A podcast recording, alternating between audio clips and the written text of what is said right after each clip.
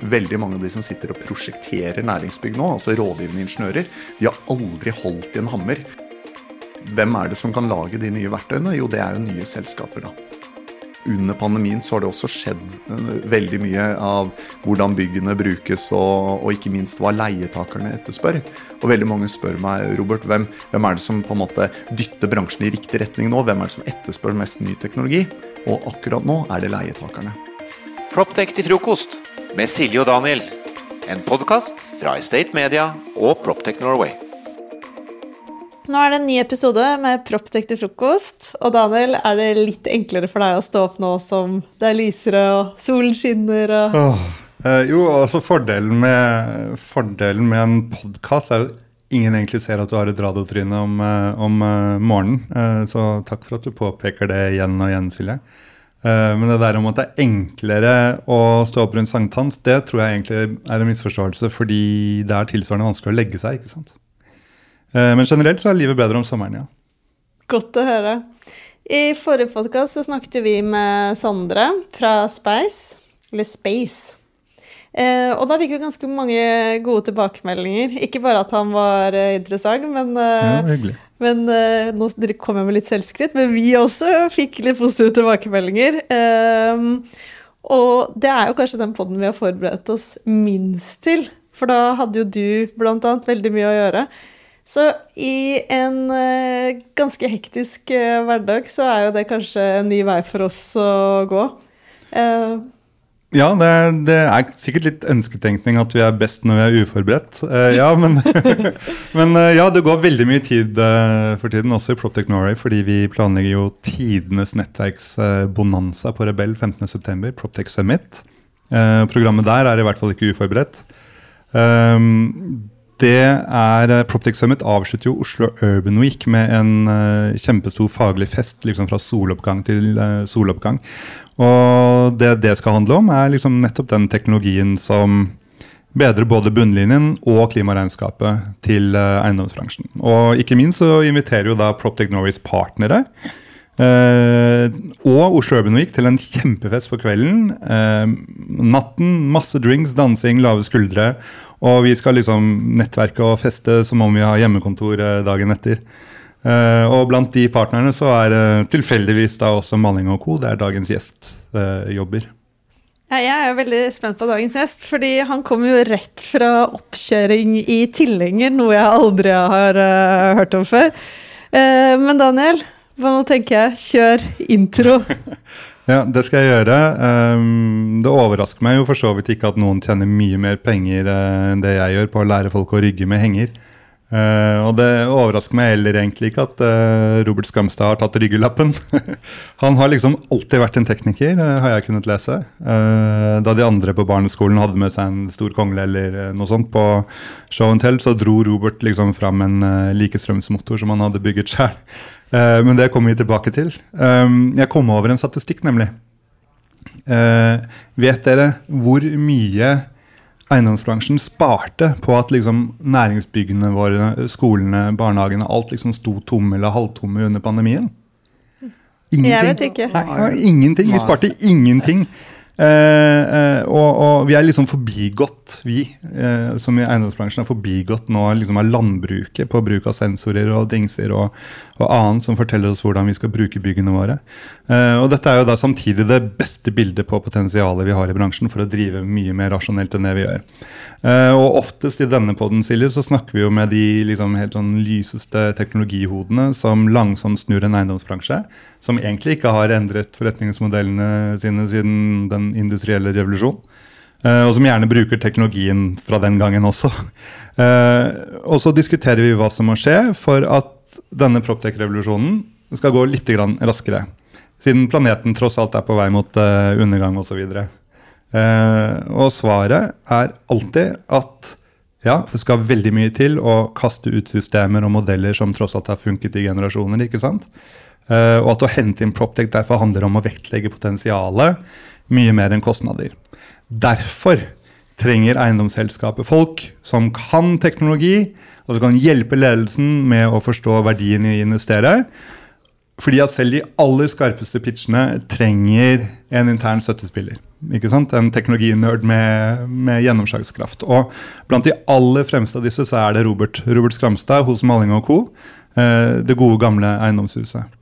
Eh, og det er faktisk sånn når jeg i PropTech Norway ber gründere om å fiske fram sitt kanskje beste use case, så er det, det er ikke sjelden at, at, at, det er Malling og det er Robert som hales opp av den kofferten for tiden. Så det er bra å ha noen i gjestestolen som representerer de som faktisk må da ta denne nye tekken i bruk.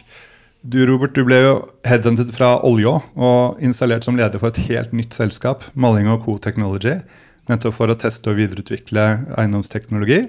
Og veldig nylig så åpnet også, eller startet dere også en egen investeringsarm, Maling Co. Venture, som tyder på at eh, noe må dere jo også ha funnet der. Eh, så det skal vi spørre mer om nå. Velkommen hit, Robert. Tusen takk. Det var en lang introduksjon. ja. Utrolig. Det er en gjengangskommentar. Men de blir lengre og lengre, eller? Ja, det gjør det. Ja. Det, det, tenkte jeg faktisk nå, Daniel. At nå... Men takk for en heads up. Ja. Nei da. Men eh, Robert, vi må komme litt sånn Selv om Daniel har sagt mye, så må vi litt tilbake på, til bakgrunnen din. Uh, for jeg tenker jo at du har jo en litt annen bakgrunn enn de typiske BE og NHH. NHH. folkene, du er jo elektriker og kan liksom mekke ikke. Det er ganske kult. Altså, og det må være Jeg startet jo som elektriker, men ja, min far var også elektriker, og min bestefar var også håndverker, så jeg kaller meg selv liksom tredjegenerasjons håndverker.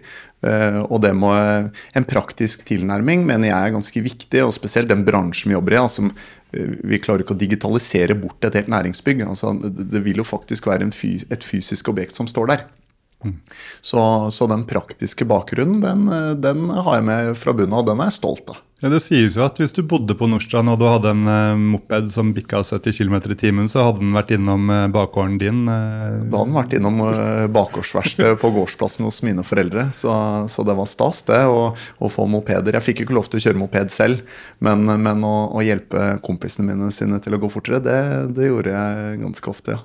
Men liksom, til tross for dette mekkegenet, da, som du helt åpenbart hadde Du, eh, du var sikkert en kremmer på dette her også, kjenner jeg deg rett, men, men du fant deg liksom ikke helt til rette liksom, i, i, i skolevesenet?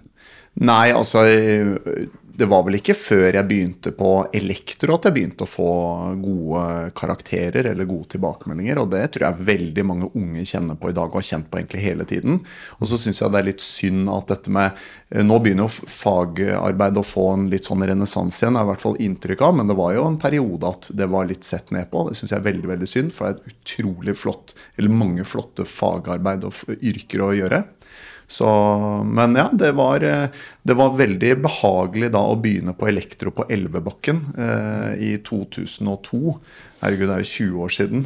Så, og, og liksom føle at, man føler at man er litt mer hjemme, da. Eh, det var, det syns jeg var fint. Å få litt sånn skoleglede igjen.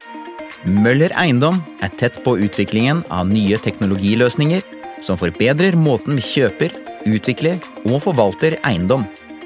Leverandørsiden er viktig driver for utvikling av bransjen og kundene våre. Men vi må litt igjen til, eh, hva skal jeg si, eh, gå litt inn i den bakgrunnen din. For jeg tenker at eh, du, som Daniel nevnte i den veldig lange introen sin, så du, jobbet du i oljebransjen. Fortell litt om det. Ja, jeg jobbet jo som elektriker i noen år, og så var det ikke før da i, i, i voksen alder det det, at jeg ble litt eldre, før jeg fant ut at kanskje jeg har lyst til å, å videreutvikle meg. Og, og da tok jeg en bachelorgrad i elkraftteknikk. Eh, og så var jeg litt lei av byggebransjen, for da hadde jeg jobbet eh, med, med både næring og, og, litt boliginstallasjon. Og tenkte nå må jeg prøve noe nytt. Og, og dette var jo da Jeg begynte på, på, universitetet i 2009, og oljeprisen da var jo på vei opp. Og jeg var ferdig uteksaminert i 2012, hvorpå oljeprisen var helt konge. Og, og, da var jo da man drev med det som er ganske liksom, beryktet i dag, dette med elektrifisering av norsk sokkel. Og, og, og selskapet jeg begynte å jobbe i da, et tidligere Aker-selskap eh, og være med å elektrifisere sokkelen. Men eh, det var ikke bare eh, elektrifisering av sokkel jeg drev med, det var jo generell undervannsinstallasjon. Og jeg var vel kanskje ja, Vi var 330 ansatte, og jeg tror det kanskje var én annen med fagbrev der, ellers var det bare master og, og, og doktorgrad, og noen få med bachelor. Eh, men den, denne praktiske tilnærmingen den viste seg å være stor verdi i prosjektene. Både i planleggingsfase på eh, kontoret, så jeg satt på Lysaker, men også når vi var ute i feltet, altså ute på sjøen med disse enorme konstruksjonsbåtene. Mm. Så, så, denne praktiske tilnærmingen, den Eh, og den erfaringen, det, det, høstet frukter i at jeg ble bumpet opp i både ansvar og, og, stilling, og fikk være med på utrolig mye spennende prosjekter eh, både i Nordsjøen og andre steder. For det er ikke alt man kan lese seg til? Nei, det er ikke det. Men ja, jeg mener det er viktig. Og i, gamle dager da, så måtte jo ingeniører ut og jobbe eh, praktisk før de fikk på en måte ingeniørbrevet sitt. Eh, og det har man gått helt bort ifra. Men i dag, og det ser vi igjen også på næring, veldig mange av de som sitter og prosjekterer næringsbygg nå, altså rådgivende ingeniører, de har aldri holdt i en hammer. De vet sikkert ikke hvordan man svinger en hammer. Eller hva som, eh, hvor mye veier et tonn, og hvor lett er en fjær. Jeg tror mm. mye av disse praktiske altså forholdene og ting å forholde seg til, det er litt synd at veldig mange eh, ikke har det. da, Og jeg tror at eh, mange som også hører på denne podkasten, kjenner seg igjen i det. At de må forholde seg til, til eh, det rådgivende ressurser som ikke har en praktisk tilnærming til det vi faktisk driver med. Og, og mange ganger kan jo det kan jo selvfølgelig bli dyrt, men fatalt i verste fall. Men, men eh, klønete utformet er vel det ordet som er riktig, da. Mm. Men så endte du opp i eiendom, for planen var vel egentlig å fortsette eh, i oljebransjen? Ja, nå, nå blir det jo en sånn der eh, Vi må ikke la dette bli en oljepod, men Nei. Eh, kort oppsummert så skjedde det noe med oljeprisen sånn i 2014-2015. Og, og, veldig mye av prosjektene, både vedlikehold og utbyggingsprosjekter i Nordsjøen, ble satt på vent. Så da så vi etter nye markeder å jobbe i. Så begynte vi å jobbe litt i Vest-Afrika, men det, det, lot seg ikke gjøre det ellers. Så det mm. var en rekke nedbemanningsrunder i bedriftene jeg jobbet i, og til slutt så sto selskapet seg konkurs. Mm. Det er riktig som du sier da, Silje, eh, at jeg, planen var å gå tilbake til oljebransjen. Så jeg søkte liksom etter en trygg havn. Vi hadde nettopp fått et barn og var keen på å liksom ha det litt rolig hjemme. Og, og da var det sånn eiendomsdrift i et selskap som heter Malling, og teknisk forvaltning, det høres jo trygt og godt ut. Og jeg kan jo, kan jo liksom det praktiske, så det kan jeg ta og, og spare ut med faren min som har jobbet en årrekke i OPAK. Og liksom, ja, Malling er et solid sted, du kan mm. fint begynne der. Eh, men det, det, er ikke sikkert du blir der så lenge, sa han til meg. Og så begynte jeg Malling, og jeg stortrivdes så fælt. Men det, veldig mye av den trivselen kom jo av de gode verdiene der. Mm. Så, så, kan man jo si hva man vil om ulike arbeidsoppgaver i de ulike rollene man kan ha i, et, i en forvaltningsorganisasjon. Mm. Men selve det å komme på jobb og møte hyggelige kolleger og ledere som er kjempeålreite, det, det ga eh, på en måte en veldig merverdi for meg personlig.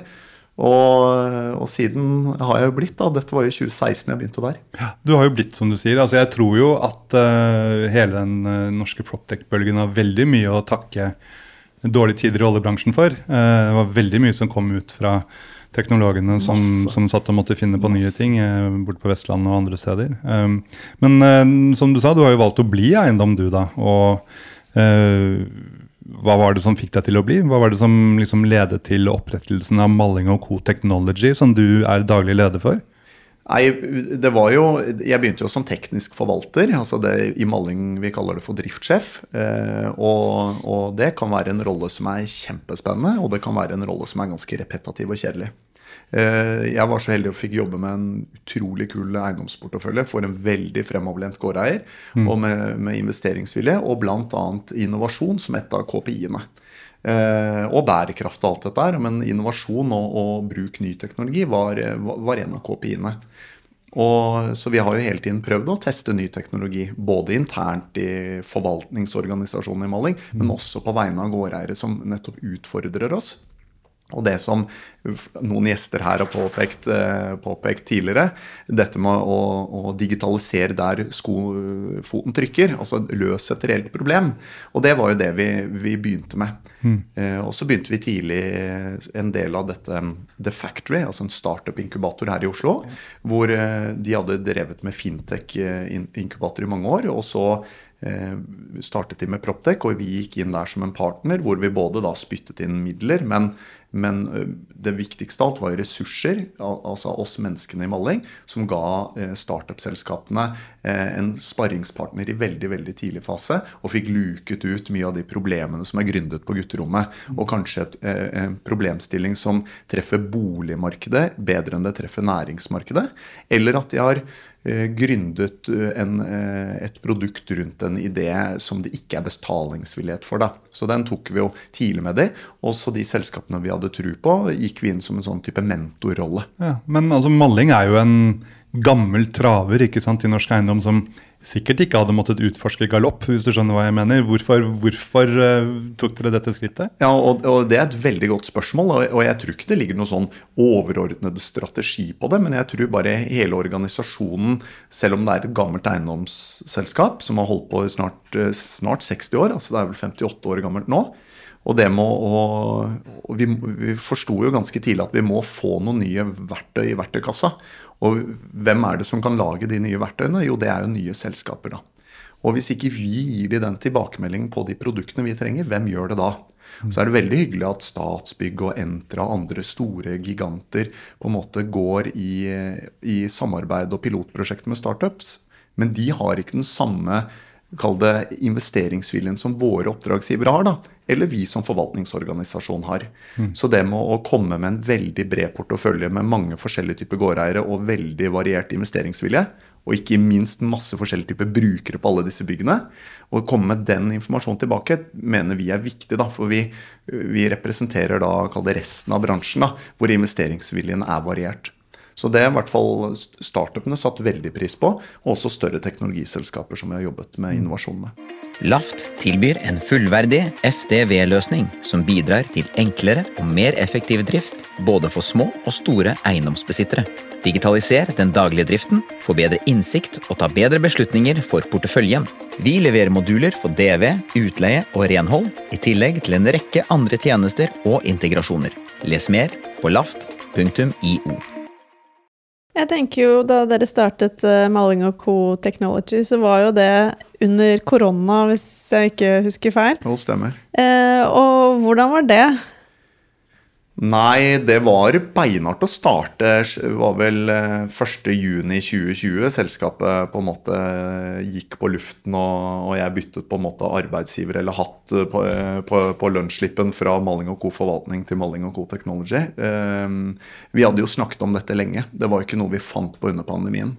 Eh, dette hadde vi snakket om lenge, og, og, ikke minst var jo det fordi vi så en etterspørsel på rådgivning rundt dette faget. Altså det er jo, eh, Dere som jobber innen dette, sliter jo fortsatt kanskje å henge med på alle selskaper og alle problemstillinger og alt som dukker opp hele tiden. Absolutt. Og, og, veldig mange av våre oppdragsgivere slet med det samme. Så vi tenkte at ok, vi, fa, altså vi går i dette landskapet hele tiden. Og vi har også en veldig god forutsetning på å gi noe tilbake til startupene, men vi har også en veldig god eh, kall det posisjon for å, å, ta med en startup til en kall gårdeier eller en leietaker og si her har vi kanskje et løsning på problemet, eller løsning på denne kostnaden, eller løsning på denne utfordringen.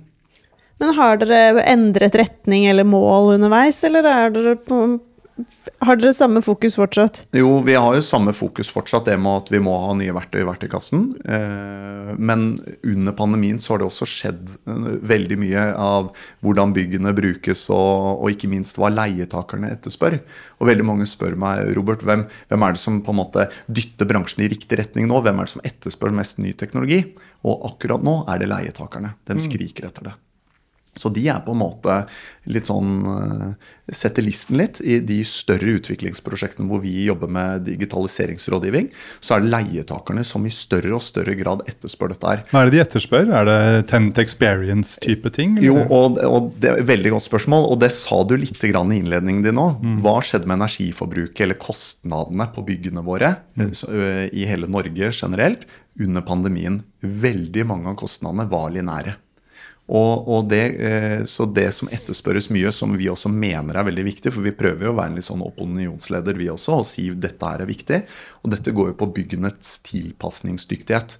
hvordan kan dette bygget her, med, med alt av fasiliteter og service, drift og vedlikehold, tilpasse seg hvordan ja, f.eks. Estate bruker lokalene sine her. Så hvis alle disse tar hjemmekontor på, på, fredager, er det nødvendig at det kommer en renholderske eh, og tar hele lokalet. Eller i fellesarealet. Og, og, hva skjer da, som du sa, med energiforbruket i bygg som blir brukt helt uh, annerledes enn før? Mm. Og veldig mange av, eller alle bygg i Norge er jo dimensjonert med personbelastning som en vesentlig dimensjoneringsparameter. Og, og mm. det er jo en antagelse rådgivere gjør veldig tidlig. Og så har jo historisk bruk av næringsbygg vært veldig linært. Nå, nå tegner jeg en strek med hånda mi.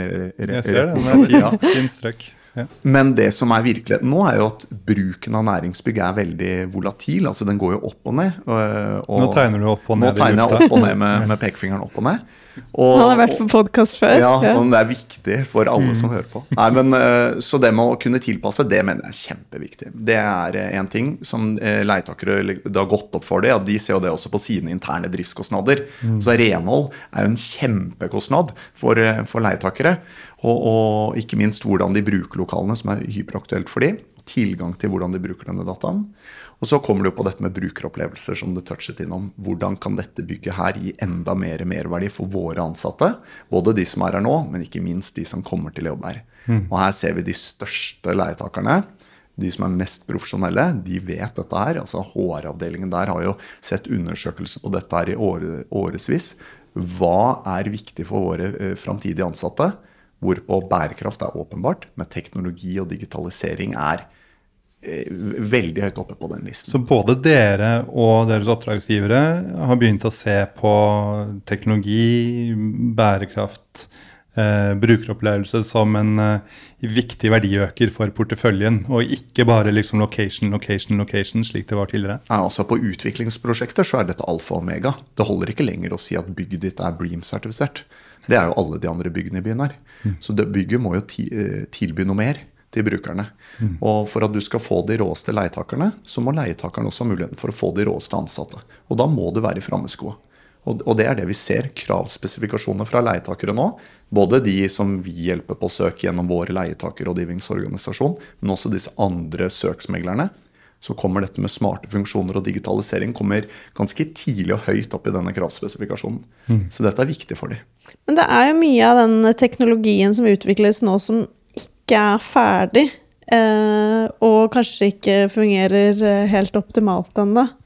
Eh, hvordan mottar leietakerne det, og hva tenker du rundt det? For det er jo mye produkter nå som på en måte, hva skal jeg si, kan eh, bistå med enkeltdeler, eller er mer mindre duppeditter, men kanskje ikke kommuniserer sammen. Det, det er en endring der også. De begynner å bli mer mottakelige for sånt, men det er selvfølgelig forskjell på leietaker til leietaker. Altså Jeg hadde jo aldri dratt i gang et pilotprosjekt hos et advokatselskap f.eks.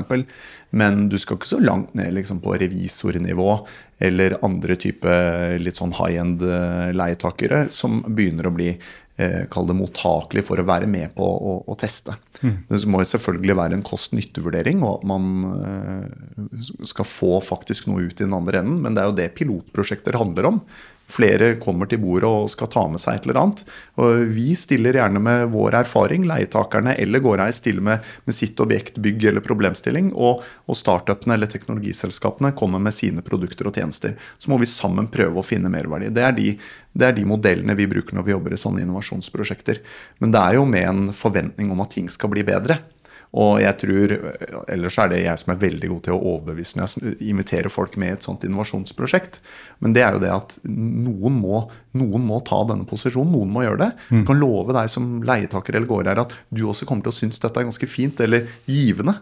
Mm. Men liksom, hvordan er prosessen da hos dere? For jeg tenker at det kommer et teknologiselskap, eh, de pitch, kommer med en pitch, du tenker at å, det produktet her er interessant, og så eh, setter du i gang en testing sammen med leietakere som er mottakelige for prøving?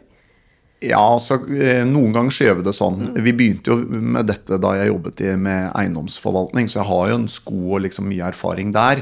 Eh, dette med tekniske, tekniske ting og praktiske ting et bygg som eksisterer, med brukere i en live, kall det driftssituasjon. Men det med at eh, vi blir, eh, enten får en henvendelse fra, en, fra et tech-selskap eller en startup, som det ofte blir, eller at vi har en reell problemstilling som virkelig liksom utfordrer oss, så er det gjerne det vi gjør på den måten du oppsummerte der, Silje. Men vi kan jo ikke kjøre pilotprosjekter med alle selskaper, for det fins jo et hav av de.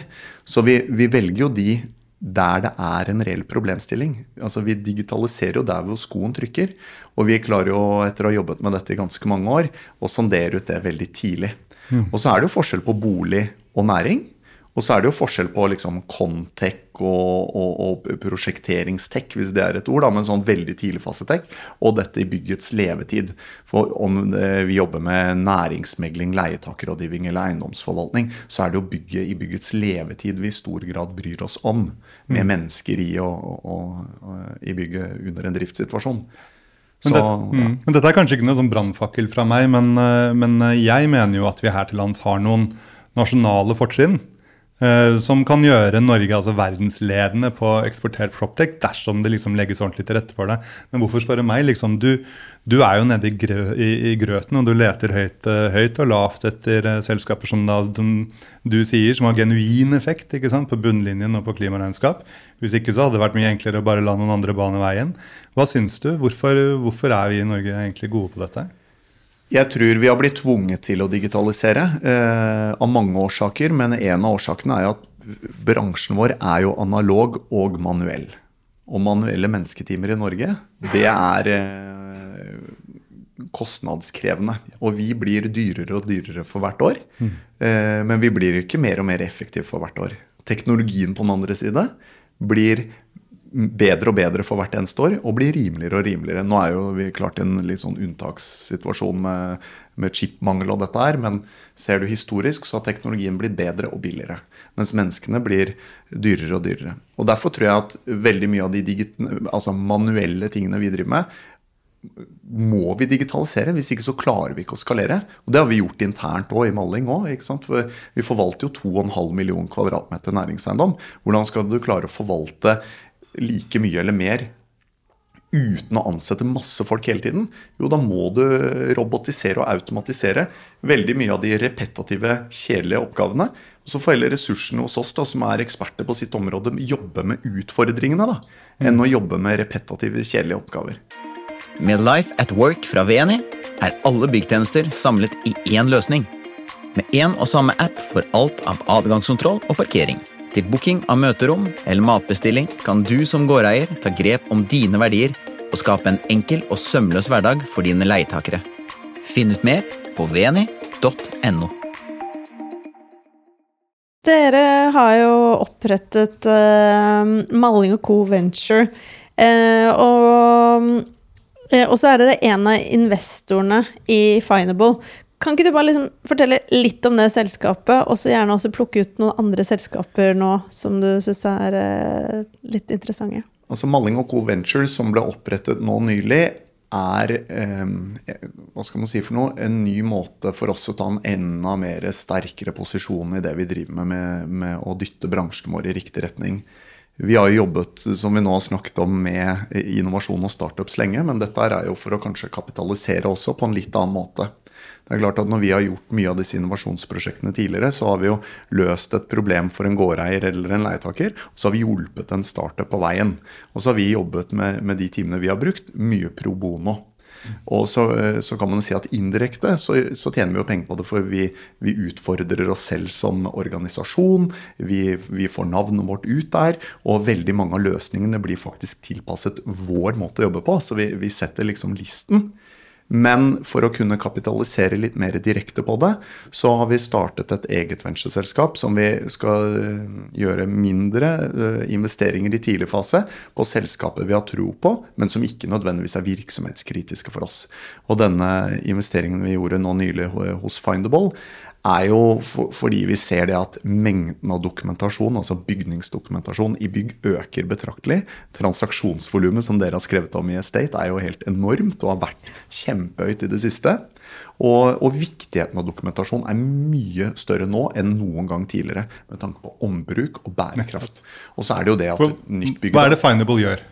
Eh, nå, Findable de bruker AI-teknologi på å, å, gå gjennom FTV-dokumentasjon på en helt ny måte, og automatisk klare å systematisere innholdet i FTV-dokumentasjonen etter bygningsdelstabellen f.eks. Og automatisk sorterer alt innholdet. Og får du overlevert et nytt bygg i dag, så er det tusenvis av dokumenter som manuelt sorteres, navngis og manuelt lastes opp i mapper eller FTV-systemer for å drifte etterpå. Og masse dubletter og alt. Ja, duplikater. Masse. Duplikater. Men så er det jo det som er veldig viktig for de som skal drifte bygget. Så står det noe om vedlikeholdsinstruks og garantibevis. Og alle de forutsetningene for å opprettholde garantien eller reklamasjonsplikten. Og det gjemmer jo gjerne disse eh, leverandørene på side 7 av 14 eller borti der. Så, så Findable kan nå dra ut alle steder det står garanti, for den gjør alle dokumentene søkbare òg. Altså ikke bare idet du dobbelttrykker deg inn på PDF-en, men du kan søke i dashbordet deres på innholdet i alle dokumentene som ligger der. Så kan du finne f.eks. vedlikeholdsinstruks, garanti, reklamasjon. Disse tingene som vi nå i dag bruker mennesketimer på å finne. Og så I tillegg så er det jo et, øh, en framtidsplattform med API-push, så du kan dytte dette rett opp i våre arbeidsstyringssystemer, altså FTV-verktøy som vaktmesterne bruker, eh, på en sånn måte at vi slipper å trykke og gjøre dette manuelt, som man i dag må. Så det er, det er rett og slett Vi så på den løsningen deres som så viktig for at vi skal kunne både skalere, men også gjøre en veldig veldig god jobb uten å måtte staffe opp med enda flere folk som jobber med dette.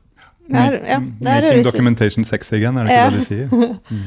Det høres jo veldig spennende ut, men er det andre selskaper nå du vil trekke frem som du tenker at uh, ja, som imponerer deg, eller du syns er uh, nyttige. Ja, jeg skal være litt sånn forsiktig med å trekke fram bestemte selskapsnavn, for vi jobber jo også som rådgivere, og uavhengige rådgivere, og, og vi skal gi litt sånn ugildet rådgivning også. Findable har jo ingen konkurrenter, så det er ikke så veldig vanskelig, vanskelig det. Så jeg har ikke lyst til å nevne noen spesifikke navn, men jeg har heller lyst til å nevne på en måte de tingene de løser. Mm. Uh, og det er bærekraft har jo vært populært nå i 10-15 år, så det sier seg på en måte selv. Men disse selskapene som treffer noe som eh, gjør byggene mer tilpasningsdyktige, skaper mer brukeropplevelse for leietakerne, hvis vi snakker om næringsbygg nå, da, så, og dette med fleksibilitet og, og tingene for de som er i byggene, og gjør det mer tilpasningsdyktighet, de treffer veldig bra.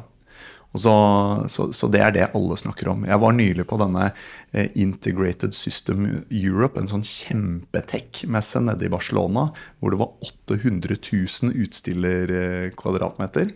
Med, og med alle IBM, Microsoft, alle. Og eh, både eh, hardware-leverandører og systemleverandører og en kombinasjon av disse, var det én ting alle hadde til felles. Det var at deres løsning gjorde det hybride møtet, altså fysisk og digital tilstedeværelse, bedre.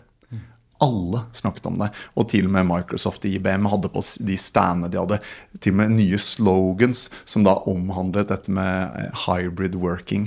Så, så det er en kjempetrend. Og, og, hvis man på en måte spinner litt videre på de ideene der, så tror jeg vi har en del tech-selskaper som kan gjøre det ganske bra. Mm. i Norge. Og så er det jo med bolig selvfølgelig er det jo masse som skjer. Og, og, men igjen, jeg har ikke lyst til å nevne selskapsnavn, men, men, bare der hvor du løser et reelt problem, skaper en brukeropplevelse, om det er i kjøp og tilvalg eller, eller salg og, og, disse tingene, så skjer det, skjer det masse spennende. Så her er det bare å være langt framme i skoene, rett og slett. Altså, det store spørsmålet er jo hvordan du er jo med å demonstrere verdiene man kan få av å ha en tydelig teknologistrategi. Eh, også i eiendomsbransjen, som er notorisk sent ute til festen. Eh, hva skal til for å øke takten, tenker du, i denne proptech, litt uunngåelige proptech-revolusjonen? Jeg tror eh, er det ett språk alle snakker i alle bedrifter, uansett hva man snakker om, så er det kroner og øre. Mm. Og, og, Skal du ikke gjøre litt sånn? Jo, nå, nå lager jeg sånn pengemynt mellom fingrene-tegn. Og, og, hvis man i en organisasjon, da, si et eiendomsselskap, hvis man da har en litt eh, oppegående CFO eller et enda bedre et regnskapssystem som klarer å identifisere litt sånne kostnadsdrivere, og se hva som faktisk går med på de ulike tingene, så er det nok mange manuelle ting man gjør. Om det være seg momsavstemminger eller, eller dokumenthåndtering eller, eller praktisk kall det inspeksjonsrunder ute på eiendommene. Hvis man klarer å identifisere tidstyver, som igjen da resulterer i kostnad eh, fordi vi er så dyre per time, så har man et veldig godt utgangspunkt som et eiendomsselskap. Når vi snakker om bygg, eh, altså prosjekter, om det er rehab eller nybygg, det er jo her vi jobber veldig mye med våre oppdragsgivere på. Å skape de nye fremtidige og moderne arbeidsplassene. Så er det litt mer, eh, litt mer faktorer som skal inn. Eh, ingen bygg ligger jo samme sted. Du har jo unike lokasjoner, og ingen bygg er utformet likt, og ingen leietakere er lik. Så da er det jo denne markedssituasjonen og, og, og, og driftssituasjonen og hva slags leietakere som skal inn. og andre faktorer vi må ta med for å starte. Da. Og veldig mange nybygg i dag, så trenger du ikke nødvendigvis å eh, hamre rundt med masse sensorikk eh, utover det som allerede er der. Men det er jo å begynne å bruke bygget og dets tekniske infrastruktur på en framtidsrettet måte. Og, og, man skulle gjerne tro at i 2022 så er det gitt, men det er det faktisk ikke. Altså Vi overtar bygg i dag enten via en transaksjon eller i et forvaltningsoppdrag som fortsatt fungerer på lik linje som det var for 20 år siden. Og det er en kjempeutfordring. Så, og det er så morsomt. En av dere nevnte det i stad. Det var den herre Ja, sånn har vi gjort det lenge. Og, og, det er et sånt argument hvis du sitter og diskuterer med en rådgiver eller en prosjektleder fra en entreprenør. da, og Sånn har vi gjort det i 20 år, sier de. Så sier jeg men jeg dro jo på Video Nova og leide meg VHS for 20 år siden nå, men nå har jeg Netflix. Altså ting endrer seg, folkens, og det må dere også skjønne. Og da blir de Noen vil jo ikke tro på dette fortsatt. og Det hender jeg diskuterer med folk eller har et oppdrag hvor det er folk som fortsatt ikke tror på dette. Men hvis du kommer med litt sånne eksempler, og samtidig viser eh, kroner og øre-eksempler fra tilsvarende tilsvarende bygge en driftssituasjon, så er det ingen som klarer å argumentere mot deg. Men vi må ikke bygge eh, mest fancy bygg med alle Proptex-selskapene i det samme bygget, men vi må bruke infrastrukturen og teknologien på en framtidsrettet måte. Og der mener jeg at eiendomsselskapene og de forvaltningsorganisasjonene og vi selvfølgelig som rådgivere har en veldig god forutsetning for å gi de rådene. Nettopp fordi vi, vi har jobbet med bygg i levetid i alle, alle år. Hvorpå mange andre kall det tradisjonelle rådgivere har fokusert på tidligfase og til overlevering av nøkkel, og så, så er de ferdige med det prosjektet. Så ja, nå nikker Daniel veldig betryggende her. Jeg har jo sett, eh, Robert, på flere av de Proptech til frokost-eventene som vi har, så er jo du en eh, populær fyr.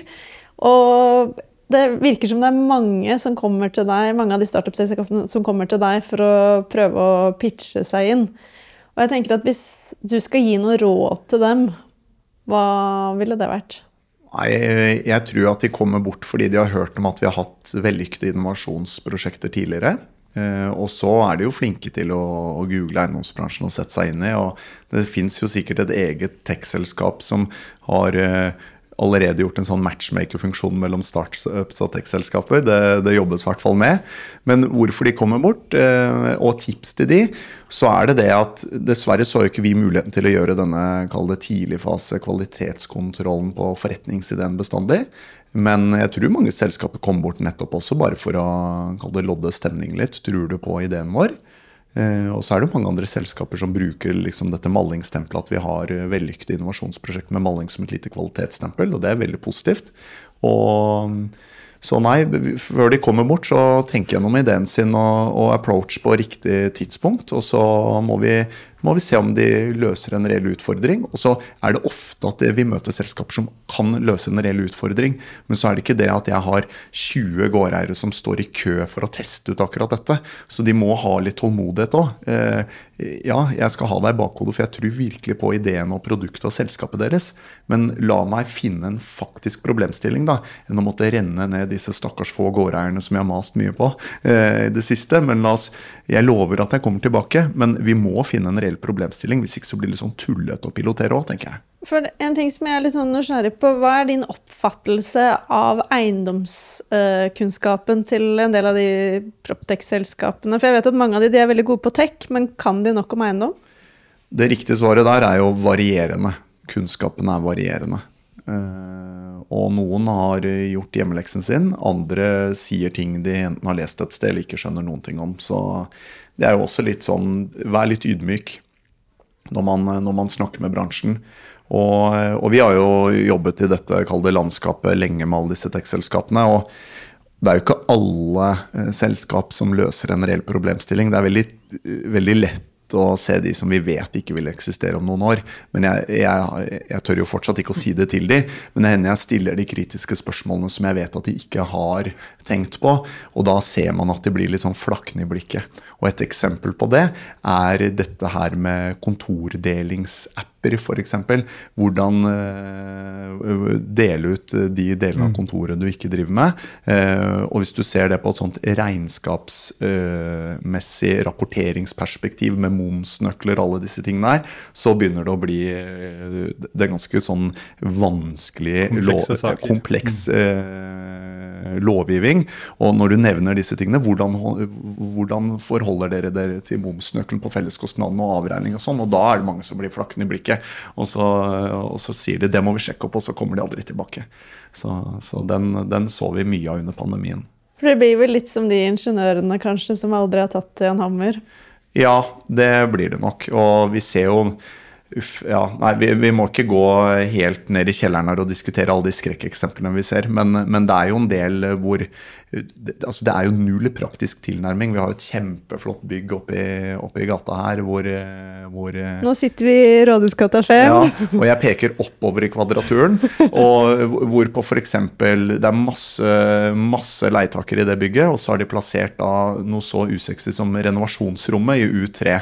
Og, og, og, og den bare merkostnaden for renovatøren å frakte avfallsdunkene Nå snakker vi om et usexy tema, men hvis vi skal bare følge mm. opp denne her praktisk tilnærming til en reell problemstilling. Da. Så frakte avfallsdunken fra det rommet i U3 bort til vareheisen, som også for øvrig er en sykkelheis, så alle byggets 300 sykler må dele på samme heis som de som kjører avfall, og varelevering for så vidt. Eh, å få den ut, det var 110 000 kroner i året for noen år siden. Så det er sikkert 130 000 kroner i dag. I året bare i merkostnad pga. dustete plassering. Så forstår jeg at mange arkitekter syns det er vanskelig å finne plass til dette her. Men prøv å tenke at bygget faktisk skal brukes etterpå. Eh, mens på et annet prosjekt, jeg er så heldig å få jobbe med Fredensborg på ambassaden. Der eh, i veldig tidlig fase der, både på valg av teknologi, men også som en sparringspartner for arkitekt, med et kall det drift- og forvaltningsperspektiv. Og en av tingene vi diskuterte der tidlig, det var eh, overflate på vegger og plassering av varemottak og søppelrom. Nettopp fordi vi ønsker ikke at et vernet bygg skal ha svære, digre ting, stygge ting blir dratt gjennom flotte, gamle, vernede vegger som nå Fredensborg bruker masse penger på, på, å renovere, og så skal vi ødelegge det etterpå fordi arkitekten har plassert avfallsrommet dustete. Så de, de tenkte på en annen måte. Så, det, så oppsummeringsvis, eh, selv om vi har dårlig tid, eh, vær tålmodige. Uh, vær ydmyke og ikke plasser uh, søppelrommet i U3. på dustete steder. På dustete steder, ja. Så da kan vi jo gjøre takk for praten-tegnet i luften foran oss. Proptech til frokost med Silje og Daniel. En podkast fra Estate Media og Proptech Norway.